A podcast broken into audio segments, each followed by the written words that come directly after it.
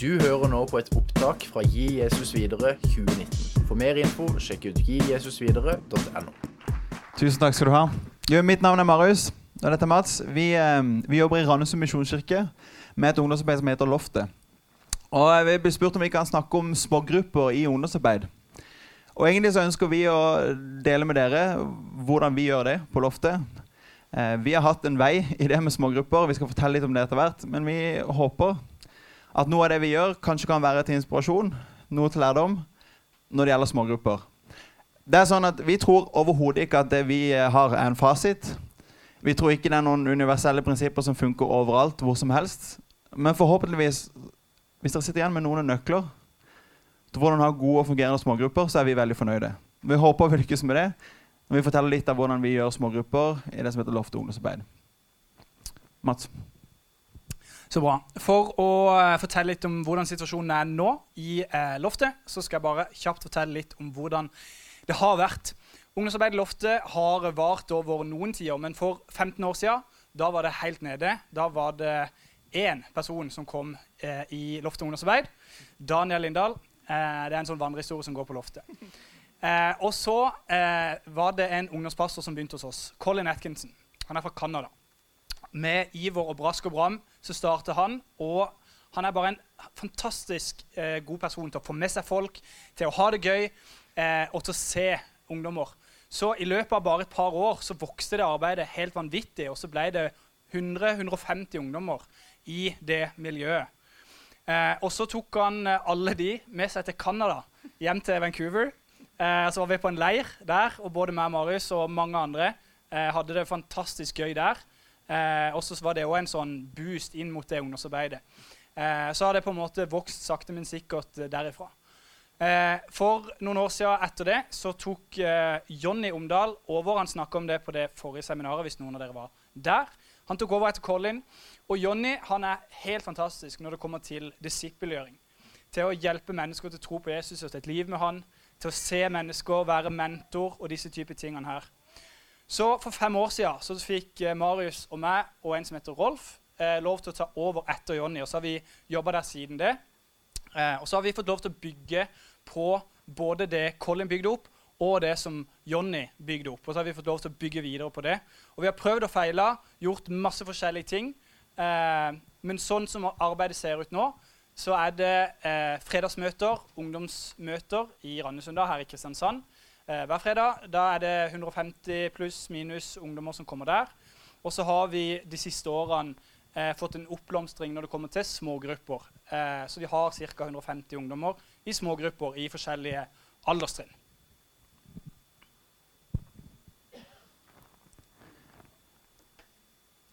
Jeg tror Når vi kommer til et sånt seminar som dette og skal prate om smågrupper, så er vi alle enige om at smågrupper er veldig viktig. Vi har tenkt i alle år at smågrupper er superviktige. Men sannheten er at vi klarte egentlig aldri å få til smågrupper. Altså, vi jobba i kjempemange år. Nå har Matt liksom tatt noen av historien med dere. Vi hadde masse ungdom på fredag, men smågrupper Vi hadde ikke sjans. Og vi følte vi feila på det i kjempemange år. Vi visste det var viktig. Vi visste at eh, på en måte en ting er størrelse. Hvis man er 150 på fredag, så kan det jo være lurt å bryte ned litt mindre grupper. Vi visste det var lurt. Vi visste at vi ønsker å skape nære relasjoner. Vi ønsker å skape dype vennskap i ungdomsarbeidet vårt. Vi visste det var viktig. Vi ønska at de kunne få lov til å dele tro og liv i et trygt fellesskap. Men vi klarte aldri å få det til.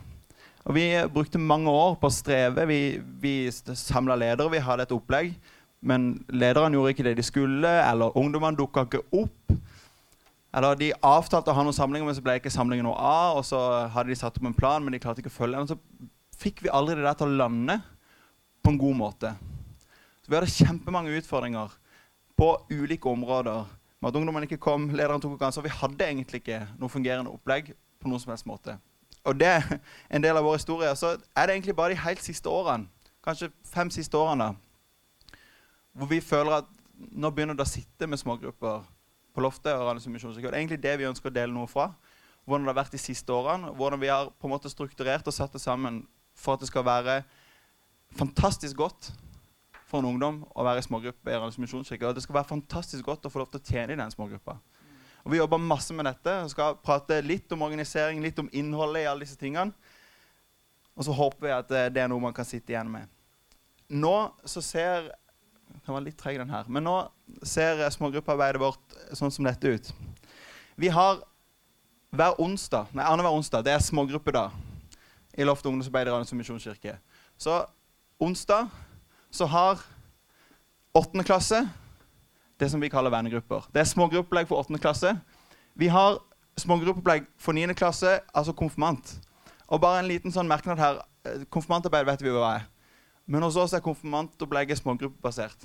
Det har vært en kjempeviktig nøkkel for oss. Vi lykker både med et godt konfirmantarbeid, men også helhetlig tanke rundt det som har med smågruppearbeid å gjøre. Tiende klasse har sitt eget smågruppeopplegg. Det kalles Jim. Det er et veldig dårlig navn, men vi, det er bare blitt en greie, så det heter det. Står for Jesus i meg. Ikke spør meg hvorfor, men det har hett seg. Og så har vi noe som heter Word. Det er for videregående. Så alle disse tingene skjer i løpet av en onsdag. Og alle disse tingene er egentlig det samme konseptet. Vi skal komme tilbake til det. Men smågruppearbeid for de ulike alderstrinnene. Og for oss har det vært en kjempenøkkel. Og Mats skal si litt om det nå. Ja, altså Det her er jo fra en veldig stor setting, som, eh, som vi var inne på. Så vi tror ikke at det finnes noen som man sa, universelle prinsipper, eller sånn, men vi som har fått lov til å være en del av en stor setting, har fått lov til å bruke en del tid på å utvikle noen ressurser og noen konsepter. Og så har vi lyst til å dele litt fra det vi har lært i den prosessen. Og så håper vi at du kan ta tak i en eller to eller tre ting som kan passe inn i din setting, uansett eh, hvordan det ser ut der du er. Så først skal jeg begynne å bare si litt om organisering. Eh, der har vi prøvd veldig veldig mye forskjellig. Sånn som Marius sa, Enten var det ledere som ikke møtte opp, eller så var det deltakere som ikke ble med, eller så var det de møttes her eller der, eller hvor ofte de møttes. Og så så vi at eh, noen grupper funka bra, og noen grupper funka ikke i det hele tatt. Og det var veldig kjedelig for de ungdommene som var i en gruppe som ikke fungerte. Hvor det var noen ledere som, som kanskje ikke inviterte til samling, og Så var det noen grupper som samla hver uke eller annenhver uke, og så var det noen som bare var to-tre ganger i halvåret. Så ble det veldig forskjellig. Så vi har organisert det, vi har tatt noen steg pga. det. Det første som, som Marius sa, trinnvis, eh, det handler jo noe om størrelse, at vi, har, at vi er såpass mange. Men vi har delt det inn trinn for trinn. da. Åttende har sitt opplegg, niende har sitt, tiende har sitt, og så er videregående en greie. Um, og Grunnen til at vi har gjort det sånn, det er fordi at det er en enorm forskjell på en 13-åring og en 19-åring. naturligvis, Og de trenger forskjellige ting i sin tro. Og det er jo noe med det gi Jesus videre, levende tro, som dere kanskje kjenner til. At det, det er noe som skjer i løpet av den tenåringstida, tida, hvor det er forskjellige ting de trenger å oppleve, trenger å høre. Så vi har på en måte prøvd å satt det litt i system, hvor da i åttende klasse, det som heter vennegrupper, eh, så har de fokus på sånn og sånn. Og så når de begynner på videregående, ny skole, nye ting, så prøver vi å fokusere på litt andre ting. Så det med tilpassa behov, hvor vi legger nivået på undervisninga, hva vi har fokus på i forhold til at i 8. klasse så er det mer lek og moro. På videregående er det mer åpenhet for spørsmål og sånne type ting. Um, så har det også vært en greie hos oss med tur. Vi klarte aldri å samle alle ungdommene våre på én tur. I hvert fall ikke siden Canada-turene. Vi har ikke helt eh, satt eh, oss for å gjøre en sånn tur på nytt. Det var helt eh, sykt, men det var for en periode.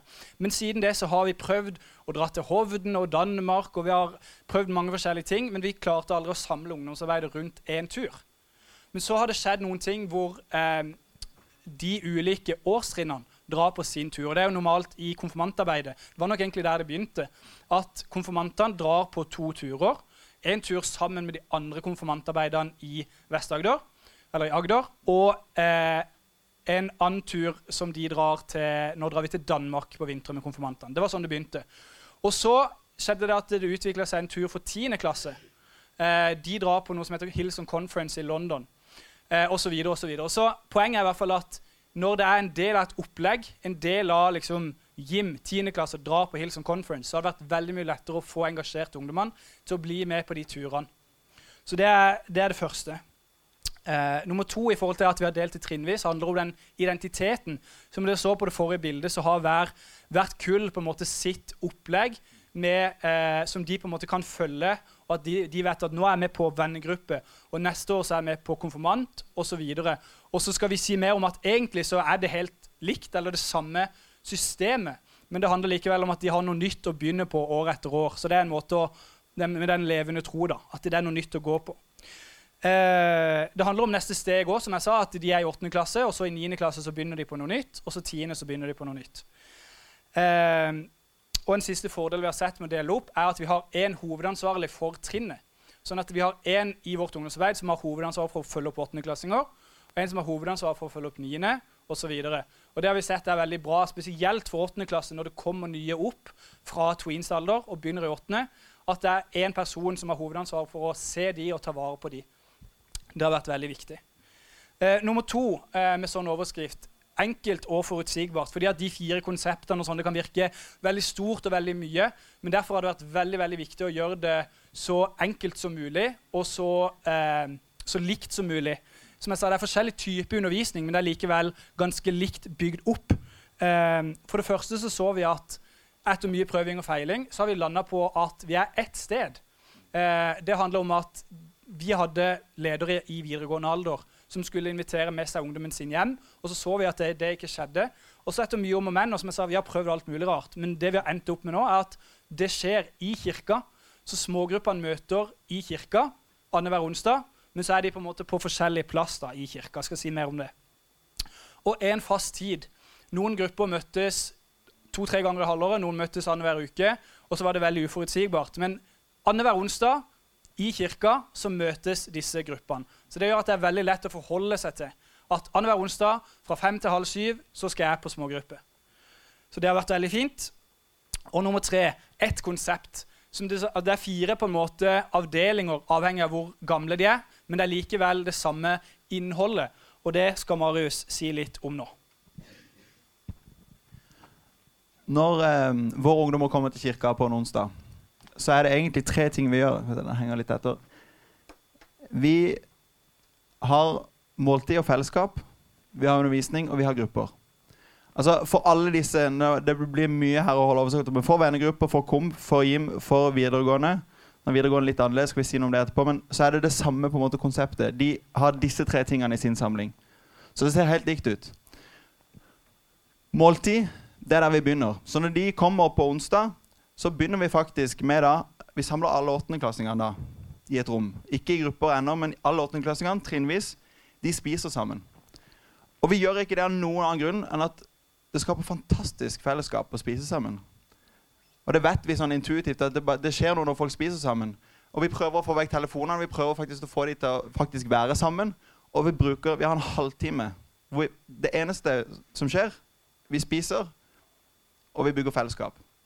For oss har det vært kjempeviktig i å skape noe av det der samholdet i det alderstrinnet. Her er det godt å være. Her kan jeg få lov til å komme. Og så lander man på en måte i den dagen når man spiser og får vært sammen. Det er den første halvtimen.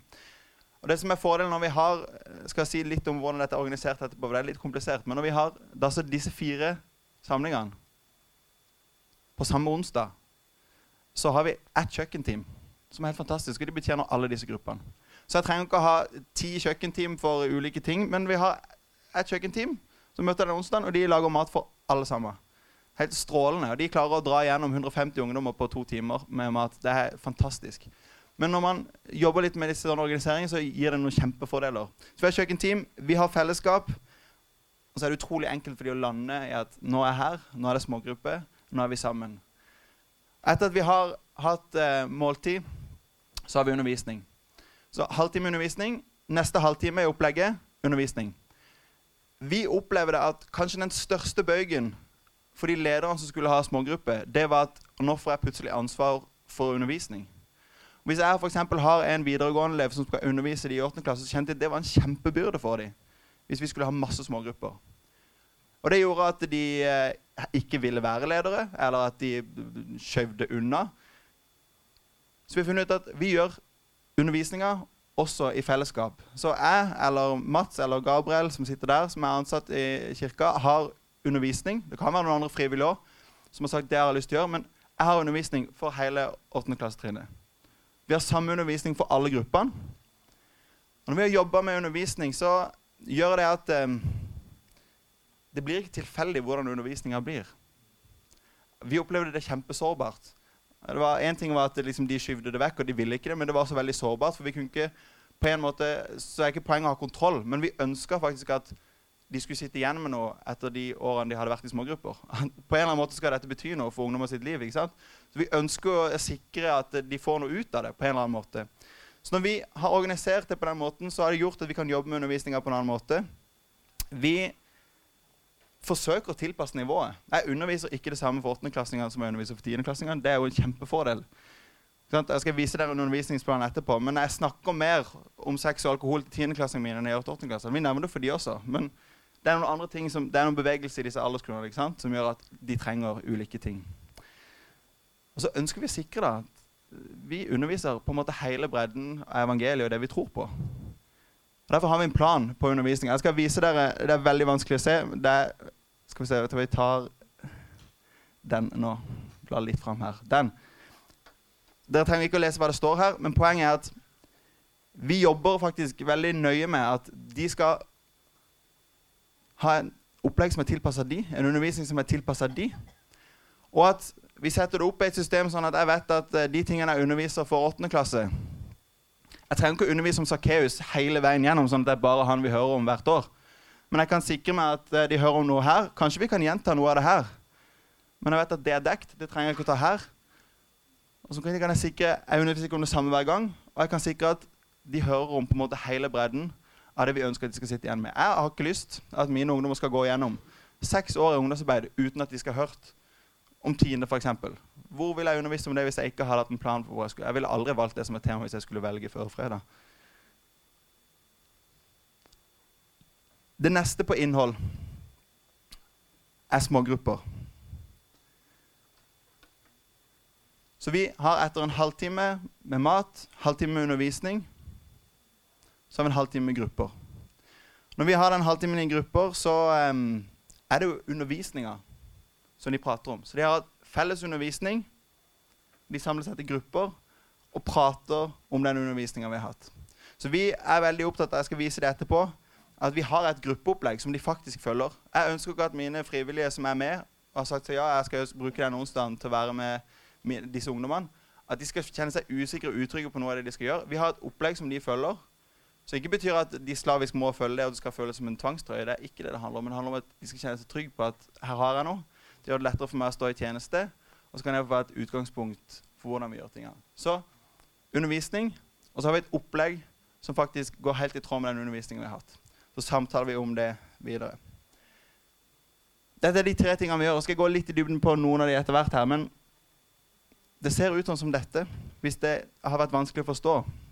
Klokka fem så kommer åttendeklassingene til oss. Når de har spist en halvtime, dette begynner å bli komplisert. Så kommer konfirmantene inn i samme rom og overtar spisesalen.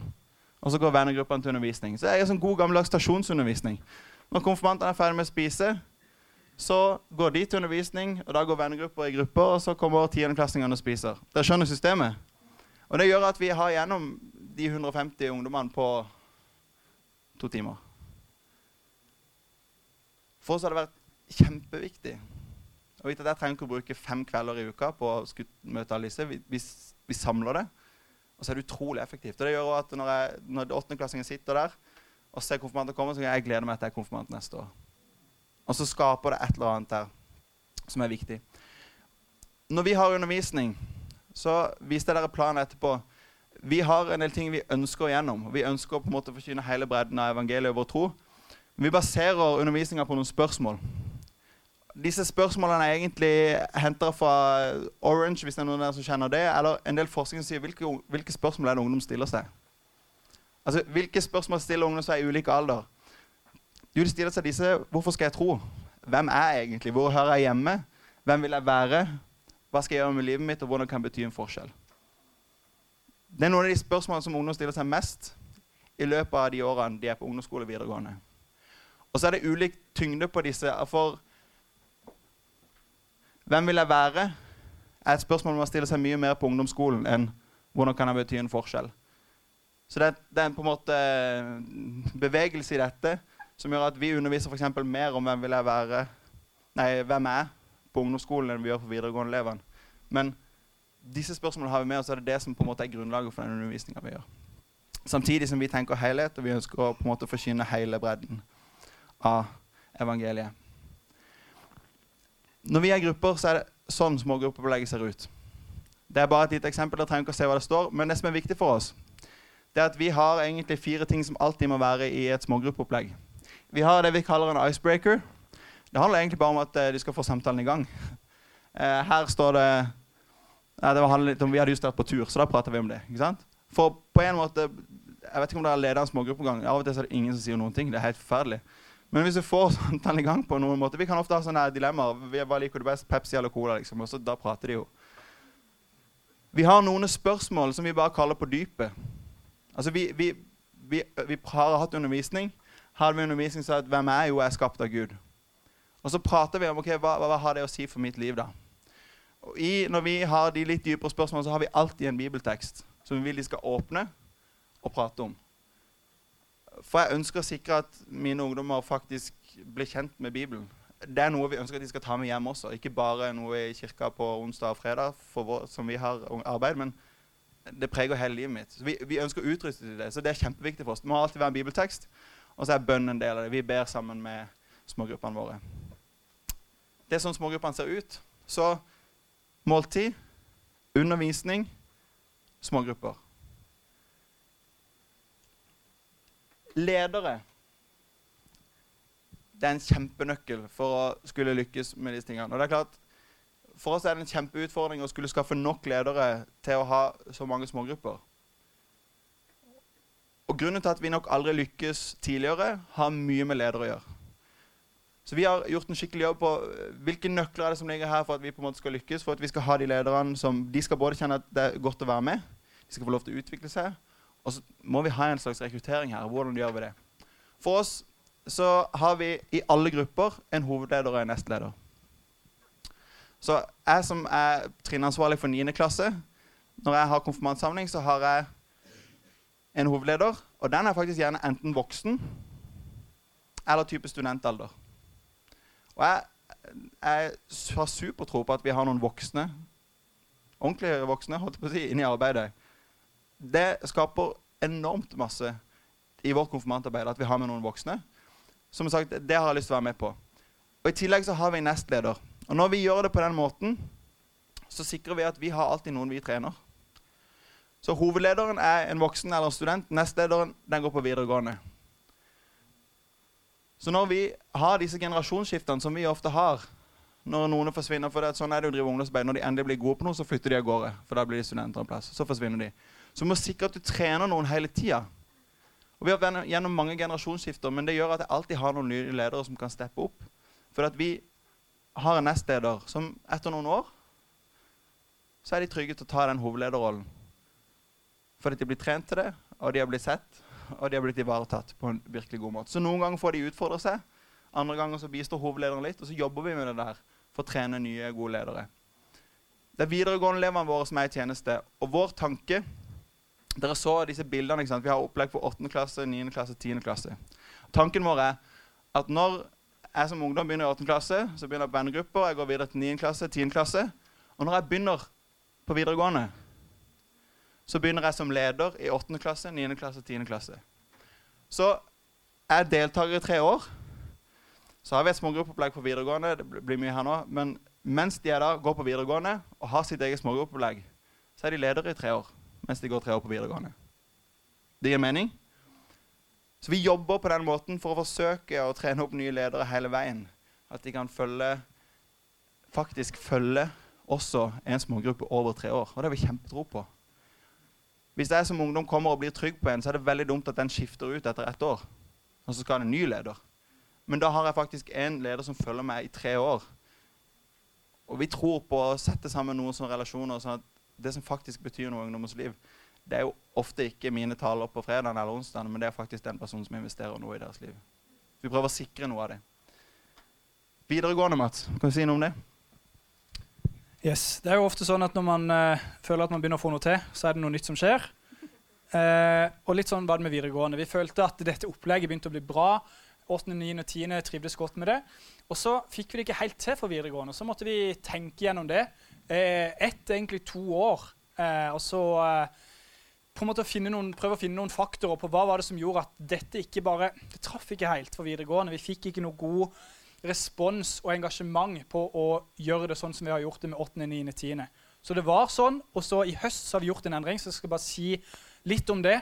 Eh, fordi at i, i høst har vi prøvd noe nytt, og så har vi faktisk sett at det har vært en endring, da, en positiv ting. Så vi skal si litt om det. For det første så når vi sa liksom, Hva er det som gjør at dette ikke funker? Så ser vi at ungdommer når de begynner på videregående, så blir de mer selvstendige. Det skjer en del forandringer i livet, og de har gått gjennom noen prosesser og tenkt gjennom noen ting. Så for det første så har de en del spørsmål. Eh, hun som er leder for 8. klasse, prøvde å spørre de i 8. klasse nå skal vi snakke om meninga med livet. Og det var liksom bare sånn Det hadde jeg ikke tenkt på i det hele tatt. ikke sant? Så det er noen ting som ikke skjer helt før man begynner på videregående. Men når man er på videregående, da er det noen spørsmål som plutselig liksom, ja, sånn og sånn og sånn, som de sjøl tenker på. Eh, og hvis vi da skal være premissetter og sette opp undervisningsplaner og alt sånne type ting, så risikerer vi å gå glipp av noe som de faktisk går og tenker på. Så eh, det er nummer én. Og det har gjort at vi har gått tilbake til en sånn type modell, hvor videregående-gruppene som var i kirka, sånn som de andre, nå er i hjemmene. Og Det handler om at vi har noen eldre, mer selvstendige ledere blant annet, men andre ting, som har gjort at det funker å ha det i hjemmene. Eh, de har spørsmål, og, men de som er lederne der, de kan da være med å forme undervisninga. Så vi sier ikke vi skal undervise om det og det og det, men den som er gruppeleder for videregående elevene, er både eldre og da på en måte også mer selvstendig til å ta det og, og forme det rundt det de sin gruppe faktisk lurer på. Så videregående-gruppene handler mye mer om hva er det de lurer på. Og så inviterer vi dem hjem, og så har de en samling. Så ser vi at det skjer mer organisk. Eh, det er litt lettere for ungdom på videregående å komme seg fram og tilbake eh, hjem til en student eller sånn. Eh, og, og, de eldre lederne tar lettere eh, kontroll og system og har ansvar for det.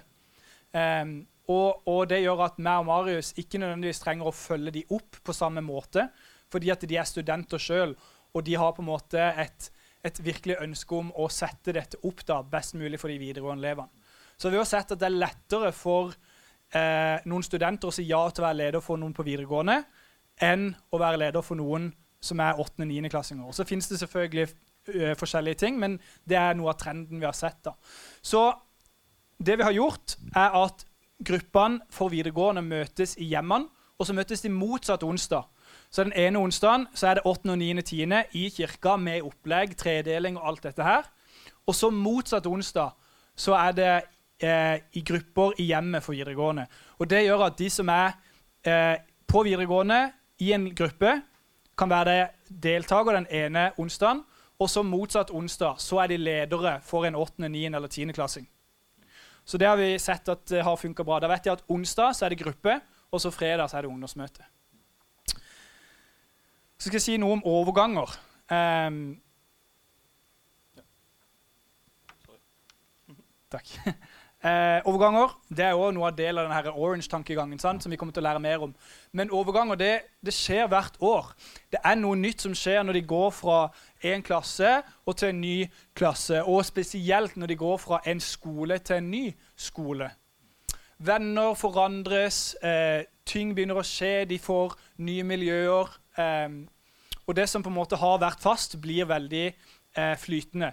Så de overgangene er veldig viktige å være til stede i. Og så tror vi fremdeles at det aller viktigste vi kan på en måte gjøre, er å ha en relasjon til dem, sånn og sånn. Men det er likevel det der å være bevisst på hvordan, hvordan skjer det når en syvendeklassing blir en åttendeklassing. Hva, hva opplever han eller hun? Og videre, når de går fra tiendeklasse til videregående. Ofte så er det jo det at de har vært i lokalmiljøet. Randesund misjonskirke er jo en lokal kirke. De har på en måte bodd rett unna og gått på skole rett unna, men så plutselig så drar de ned til byen og er på skole der. Så det er en del sånne ting som skjer. Eh, så vi prøver stadig å tenke litt på hvordan kan vi eh, ta vare på de overgangene. Så fra 7. til 8. klasse så eh, har vi et tweens-arbeid som vi besøker på våren og på en måte blir litt kjent med dem. Da er det ofte den, i, den som har, den har trinnansvar for åttende, besøker disse her i syvende.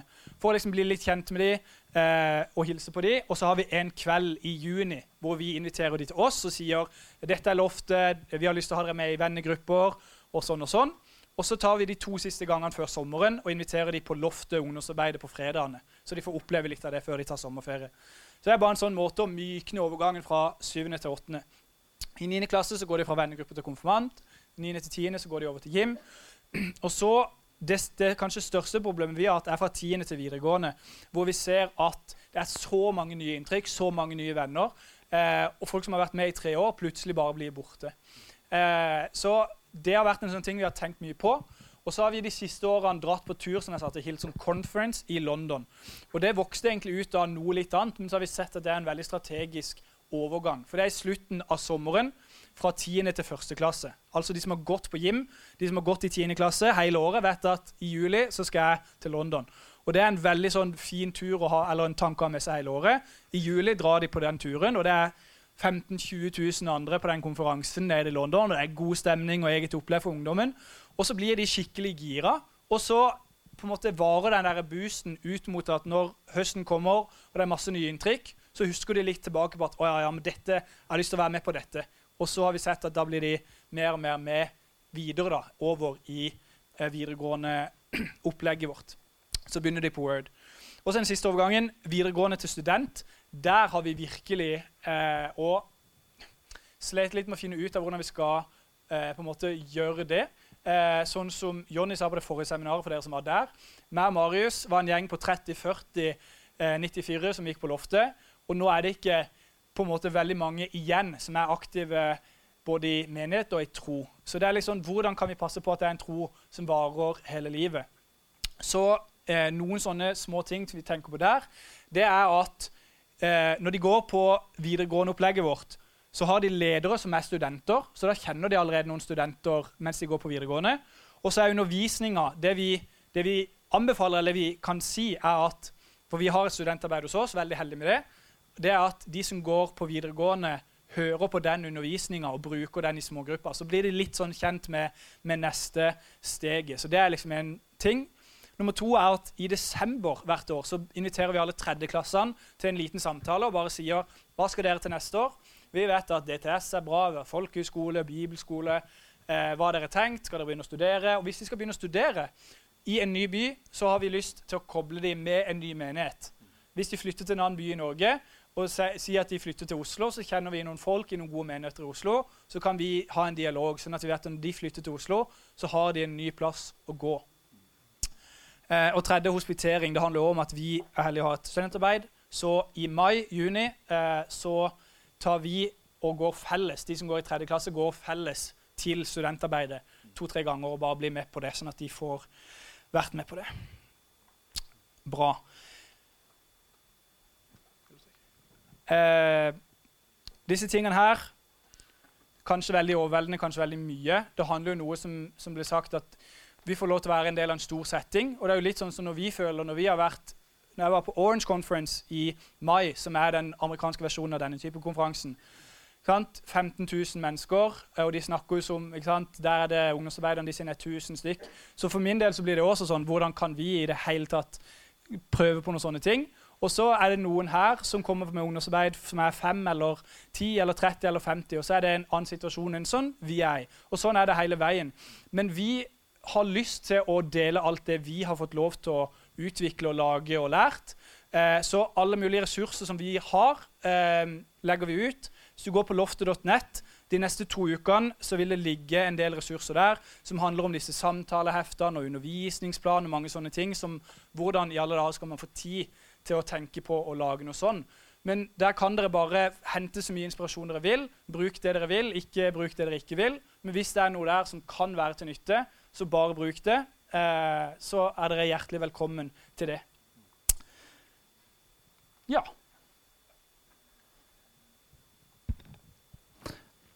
Vi ønsker egentlig bare å åpne opp noen spørsmål til slutt. Vi har bitte grann tid igjen. Hvis det er noen som lurer på noe. Ja.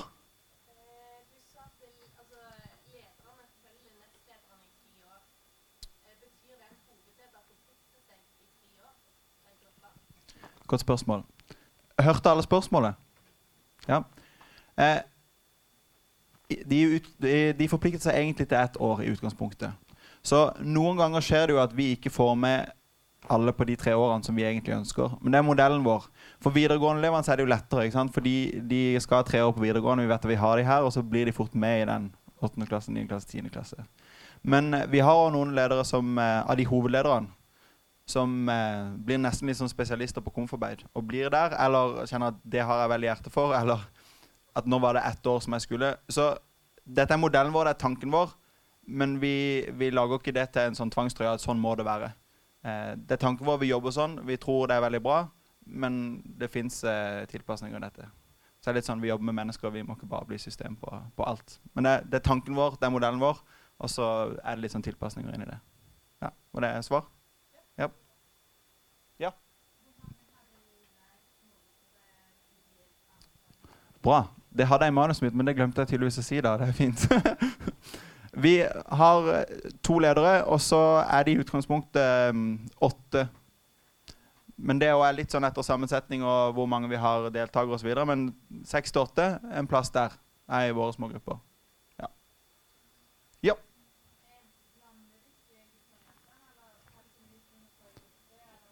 Bra. Alle sammen på måltid, undervisning, og så er det gutte- og jentegrupper. Yes.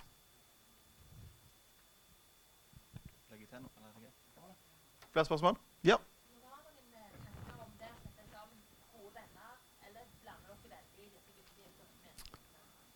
Og det er et godt spørsmål. Det er noe av det verste jobben jeg vet om som ungdomsarbeider. Det er alle spørsmålene jeg får fra foreldre om at kan den sammen med den, og den kan ikke med den, og den Og når det er 150 stykk med 300 foreldre, så blir det krise. Så eh, vi prøver noe, ja.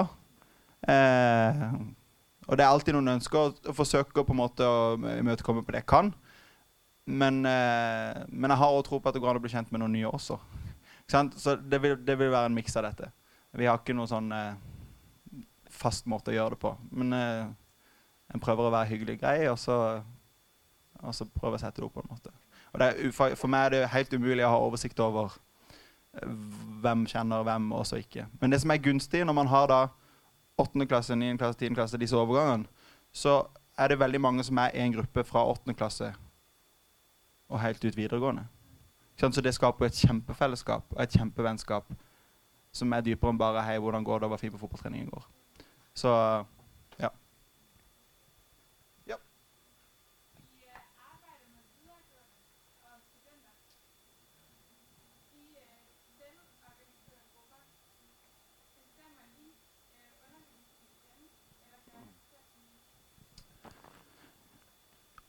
Videregående-elevene er mer organiske i den forstand at vi, unnskyld, vi ønsker å ha mer plass for deres spørsmål. sånn som vi nevnte. De stiller en mye flere spørsmål og tør å stille de på videregående. og De møter en del ting på skolen. og sant, venner. Så vi prøver å svare ut i spørsmålene. Så gruppene er mer organiske og frie i det at deres spørsmål skal ha større plass. Allikevel så ønsker vi å forsørge de med noen ressurser og et opplegg, sånn at folk ikke skal kjenne at den oppgaven er for stor. Så det ene alternativet det er jo at eh, de bruker podkasten fra det som er studentarbeidet. Altså det som liksom, det neste de skal tre inn i. Vi tar undervisning av disse. Inn i smågrupper så prater de om den. De som går på videregående. Så det er ett alternativ. Bare for å sikre en overgang og en god undervisning for dem. Og så er det òg en del som bruker en bok som heter 'Ferdig prestert'. Den går an å sjekke ut. Veldig bra. Eh, det er en bok for gutter og en bok for jenter.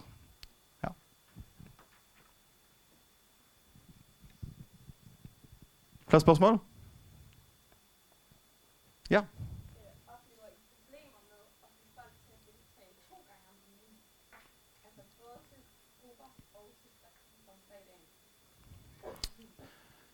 Nei.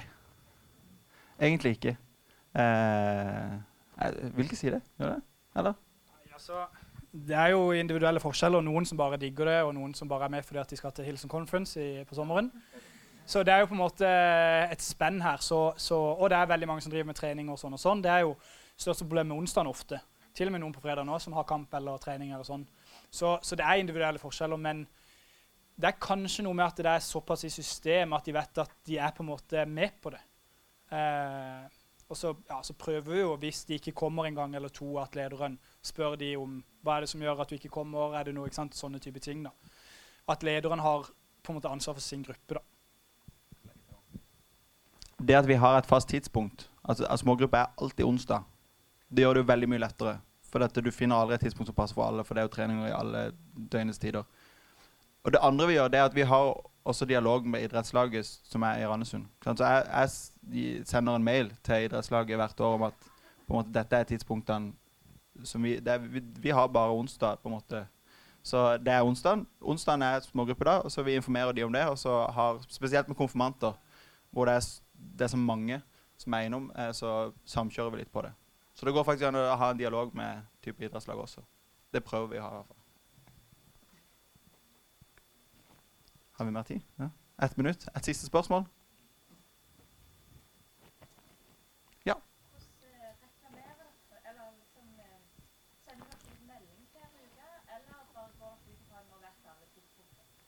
Bra. Eh, reklamering Det hovedreklameringa skjer jo på en måte i disse overgangene. Så den vanskeligste overgangen for oss det er fra når de går fra 7. til 8. klasse. Det er, eller, det, det er to vanskelige overganger. 7. til 8. og fra ungdomsskole til videregående. Det, de er veldig sårbare, de overgangene. Ny skole. Det å få, få de med fra 7. klasse til 8. klasse, det er vanskelig. Og Da begynner vi å reklamere allerede i 7. klasse. Sant? Vi er på besøk der, vi går innom der for å forsøke å dra dem med. Og når de først er inne, så eh, da er det veldig lett å dra dem med videre i loopen. På for åttende klasse så prater man om neste år skal vi være konfirmanter.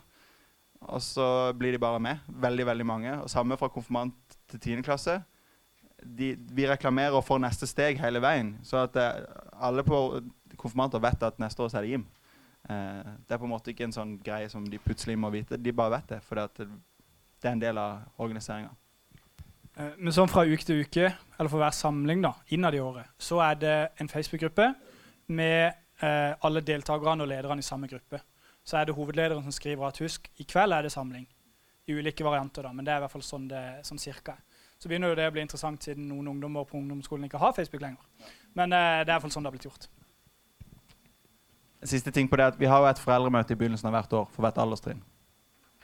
Så at foreldrene eh, for på KOMF er ansvar for 9. klasse. De har jo alle datoene for resten av året som de trenger å forholde seg til. Allerede i august. Det gjør det veldig mye lettere.